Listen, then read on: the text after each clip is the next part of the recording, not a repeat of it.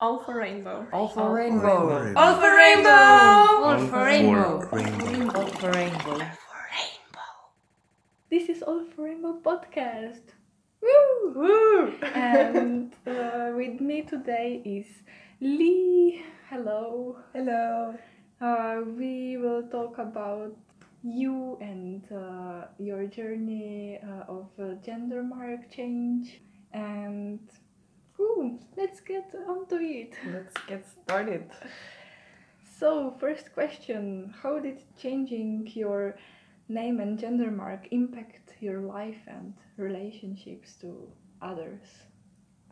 it affected my life definitely in the sense that I was just able like I mean very obviously I could just change all of the official documents like I could have my bank account and my I don't know other passes that you have like for I don't know traveling with the train or whatever um change to my real name like to the name that I chose and this impacted my life so far that I didn't have this dysphoria anymore that I would have to have every time that I'd use my old name because usually when you have like I, I already started to use my chosen name for like less important stuff where it was not really an official thing but always when it's about insurance or bank stuff and things like this of course you have to use your real name like your registered name that you have on your ID and when I had this like paper saying this is my real name, I could just avoid this dysphoria and just go with the name that I would also normally use. And also, I could sign up for other stuff with my normal name, and then there wouldn't have to be this awkward thing of me having to explain, oh, this is actually not my real name, please use this name, blah, blah, blah, blah, blah. So, um, yeah, this definitely was the greatest impact, but. Um, relationship wise it was not so big because um, most people like i had my outing already four years before that and i had been lee already for like yeah three or four years at that point so my surrounding was already used to it. My surrounding for my surroundings it wasn't a big change. Everybody was like my my closest friends and my family was very supportive. Um, the only thing that actually changed was with my grandmother because she we, we do not have a very close relationship with which with each other anyways because she lives far away but um, she earlier had refused to use my new name because she just not because she's very queer phobic or something but just because she liked my old name better. That was her reasoning. But then um, when i changed it officially apparently that was enough reason for her to get that this is apparently something really important. And then she also started using my new name. Yeah. Oh, nice. Mm, all this uh, journey with paperwork and um, having uh, changed your gender mark and receiving your ID, how, how did it start? it was a long journey definitely. It was like i think more than one year maybe close to one and a half years that it took me. Um, it started with me actually calling a queer ngo no wait that's not true. It started with me calling the hmm, it's difficult to translate these things into english because it's like these bureaucracy german terms. It started with me calling like an um, like a municipality like you know like the the, the places like an administration that's the word. It started with me calling an administration um, that is responsible for name changes and i just uh, first i was redirected to the person responsible for the letter m welcome to germany. And then um, then uh, with, with with him he was actually a really nice guy. We we talked like about this. I just told him hi, I'm non-binary, I would like to change my name. And he was like, oof, that's difficult because there is no legal space for you because le- non-binary, being non-binary is not legally recognized in Germany, although we have the third gender, but that officially is only for intersex people. And then he just, uh, yeah, he just said to me I should call a queer NGO and ask for help. And then I did that and like a month later i had counseling there um, and this was actually not helpful because what what this person counseled me to do was like not really uh, not not the true like it was the, the person was really nice and everything. We had a nice talk but it was not working what they suggested me to do. Mm. and then um, then I went like then first I went with the option to just change my name because um, in the German ID we don't have the gender marker. It's only in the traveling passport. Um, so it wouldn't affect me so much if I still had this F like who cares? Um, and then I just went with that option and the very nice guy from the administration sent me like a list with things I need to send them and then I needed me a few months to collect this because it was like several documents and partially I had to get them from my town where I was born in, partially from Stuttgart, and also it was Corona, so everything was more complicated with the administrations in general. And then um, I also had to go to a psychotherapist for one session to, I don't know, yeah, assign me. Yeah, of course, of course, to check that I am really, I don't know, whatever, really trans or whatever, or not a lunatic, or both. Um, and then, um, yeah, then I sent all of this, and then it went around for like, like through all sorts of administrations, also in my home, like in the town I was born in, um, until I called there, like I called the guy and was like, "Hey, what's what's going on with this thing?" And he was like, "It's not working. Like we don't find any place. Like no one is responsible because there is just no legal, um, legal space for you in the system." And then he said to me, "I should go to court." And then I was frustrated for a few months and didn't work on it anymore. And then uh, when there was New Year's 2021 New Year's, my, my dad was like, Go now, do it. You want to do this, let's do this.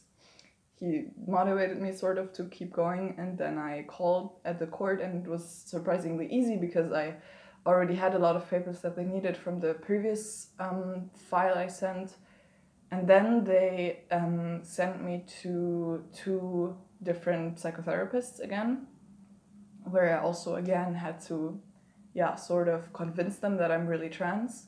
And this time now it's also about not only changing the name but also the gender marker. I would change it into the third option we have in Germany, which is called diverse, which is a bit funny, but yeah, it's the officially for intersex people.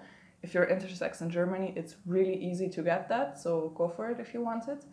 Um, and for some reason, like it's not really in the law, but at some point, lawyers kind of decided that they can take this analogy also for non binary people, but they still have to work with the law for transsexuals, as it is called in Germany, which, yeah, is going through this whole process of psychotherapy.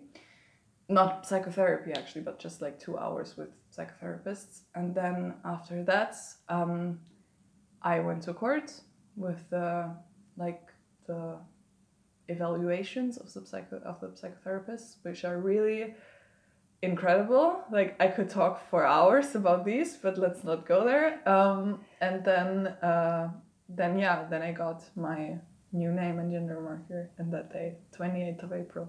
I Oh, recently had my anniversary. yeah, true. Nice.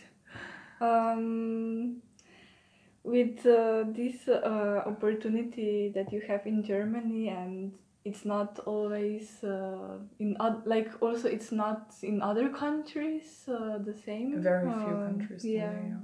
Uh, why do you think it's important to have it like to have the option to change your gender mark um, to diverse um, to have this option Because it's simply in alliance with reality. Because it's just not true that neither sex nor gender is binary. And I mean, if you really need like the straight cis version of we need scientific proof of this, you can just look at intersex people. And this is like scientifically proven intersex people exist. So, of course, there should also be an affirmative gender marker for them but also also science says that non-binary people exist and also we say that we exist and that should actually be enough for that. And I feel like, I mean, it's just it's just not right that you'd have a wrong gender there because it's wrong information and official documents you should have the right information. And also it triggers dysphoria with you or can trigger dysphoria if you have the wrong gender marker and you have to use it. So and it could also trigger confusion if you mm. I don't know if it says female but you're actually male or non-binary or whatever and then um, you get assigned for something wrong or some confusion happens somewhere and it can get you into trouble actually. So i feel it's just a very basic and easy right that everyone should have.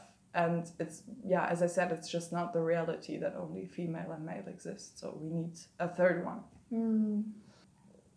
Yeah, um, regarding the binary system, what are your thoughts on society holding on to this gender binary system as just one and two, no other options? Oh, um, I I have a lot of thoughts. I don't know, but it's difficult to to to make a point about this. I feel this is something that we've been taught. We have been brought up with this, and like our parents have been brought up with this, their parents and their parents, and so on, so on, have brought up with this, have been brought up with this not forever, but like at least for I, I believe the last few centuries. I'm not sure, but like from some point in history, this idea started, and um, I think it's a part of conservatism. I would say to hold on to this, and in my understanding of conservatism, no, honestly, because the thing is, I don't really understand conservatism. I don't understand the point of not wanting things to change because of course sometimes changes for the worse but mostly changes for the better because we're not really living in a good world so i don't know i feel it is connected to fear or to like a sort of mm, like negative feelings like like feeling a bit like um unsafe or unsure when you see this idea that like suddenly people want to have another gender or they're uh, inventing weird names for their genders and stuff like this. This is just like i feel this is um, unknown to most people and that's why they don't accept it because it doesn't fit into this like very basic things that you w- have been brought up with like since we are children we're indoctrinated with this binary idea Mm, true. um, yeah, I feel that's where it comes from, and it's also, of course, depends on the people who have been in power. Like, um, we have had only cis white men in power for the last decades, even centuries. Now it changes a bit more. We have a bit more women and occasionally a person of color.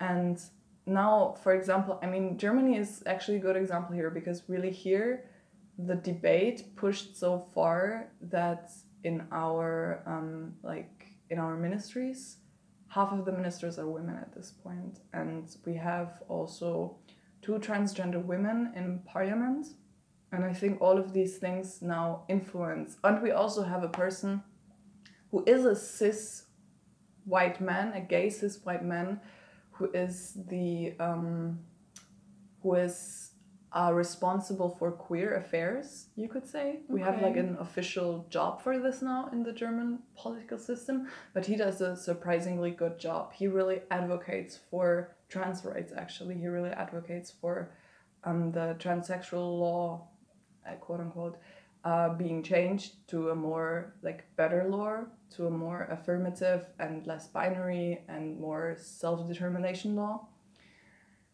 Um, and I think, yeah, you can see there, here we have now more diverse people in power, like people coming from different points. Still, it's very white, still, it's very privileged, but it's better than before, I would say. So I guess it also has a lot to do with who has the say. I think it's very similar to like feminism and racism. It's about who makes the norms, who makes the laws. And this is where we have to. This is, I don't know if this is the only thing that will if this only if, if only this can like change it all, but I think it's definitely an important step to like say we have to have more people from different backgrounds in power so that they are able to create not say new norms but more norms or more possibilities in a way. Cool. Thank you, Lee, for being on my podcast. Thanks for having me. and uh, dear listeners, um, see you on the next episode. Bye. bye bye. All for rainbow. All for All rainbow. All for rainbow. All for rainbow. All for rainbow.